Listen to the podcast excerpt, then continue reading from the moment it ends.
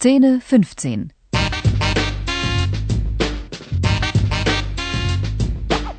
Ein neues Zuhause.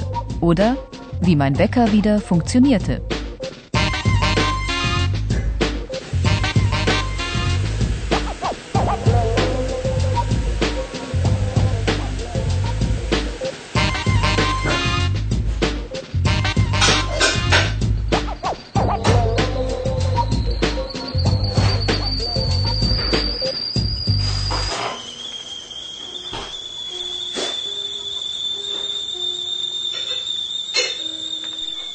Meine Geschichte mit Ralf war wirklich zu Ende.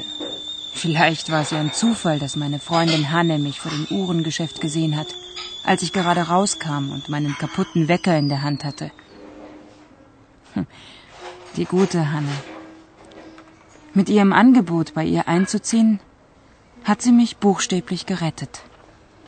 Schon am nächsten Tag bin ich umgezogen. Und sie haben mir alle geholfen. Hanne, Britta und Olga.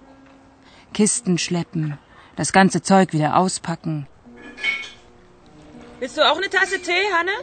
Oh ja, prima Idee. Nach ein paar Wochen ging es mir schon viel besser. Bei dem Kuchen ist auch noch was da. Willst du? Ja, gerne. Hm, klasse. Endlich hast du dein schönes Teeservice ausgepackt. Das hat mir schon immer besonders gut gefallen. Ist echt chinesisches Porzellan. Bin ich froh, dass beim Umzug nichts zerbrochen ist. Bisschen bitter, der Tee. Hm, gesund. Möchtest du Honig oder Zucker? Ein Löffel Honig vielleicht, ja. Sag mal, bist du jetzt eigentlich fertig mit deinem ganzen Zeug? Alles ausgepackt und aufgeräumt und so.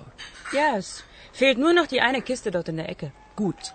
Wenn du dann mit allem fertig bist, dann müssen wir unbedingt zusammen den Champagner öffnen.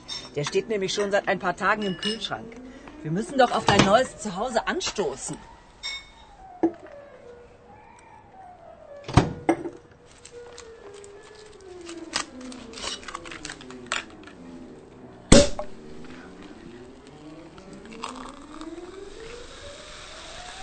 Also dann, zum Wohl, Hanne. Zum Wohl, Maria. Auf uns. Und viel Glück in deinem neuen Zuhause, meine Liebe. Mensch, es war wirklich Glück, dass du zufällig bei dem Uhrengeschäft vorbeigekommen bist. Prost.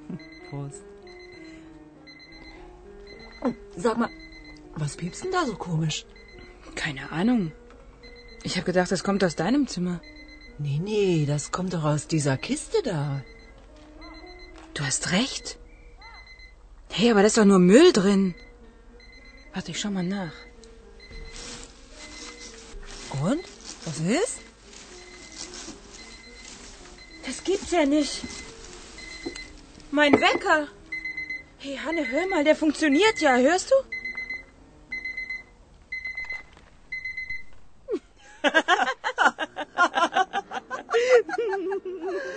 Dem geht's wie dir. Viel besser. Hast du ihn nicht weggeworfen. Oh ja. Zusammen mit deinem Herzen. Da könnte man direkt abergläubisch werden. Tja, es gibt halt doch keine Zufälle, meine Liebe. Weißt du noch, was der Verkäufer in dem Uhrengeschäft gesagt hat? Haben Sie die Batterien kontrolliert, Fräulein?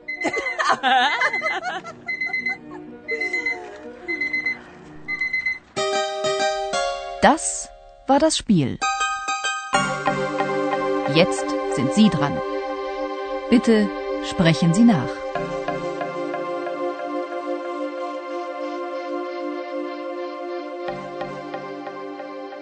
Ich wollte ausziehen.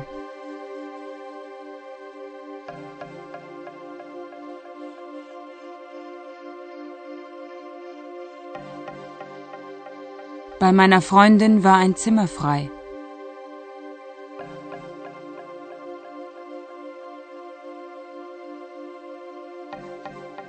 Ich habe alle meine Sachen in Kisten gepackt.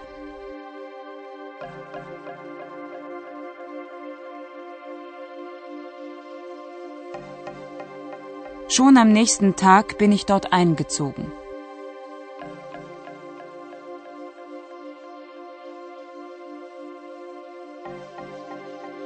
Jetzt wohne ich seit ein paar Wochen hier.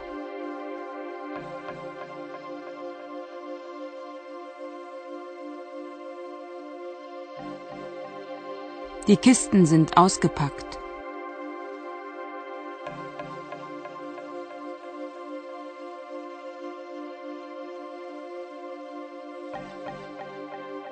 Alle meine Sachen sind aufgeräumt.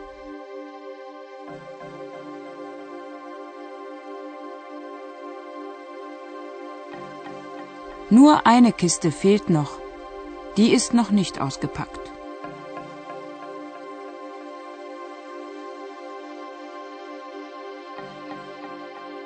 Willst du auch eine Tasse Tee?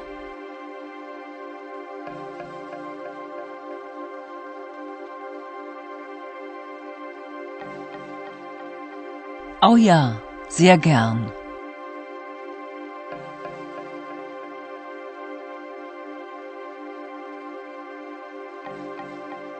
Oh, der ist ein bisschen bitter, der Tee.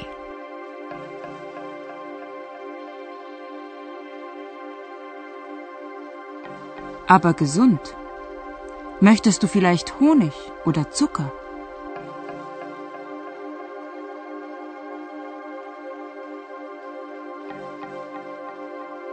Komm, wir stoßen an. Zum Wohl.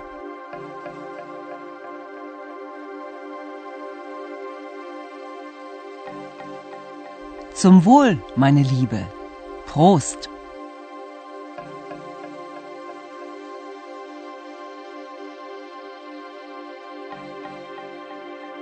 Trinken wir auf dein neues Zuhause.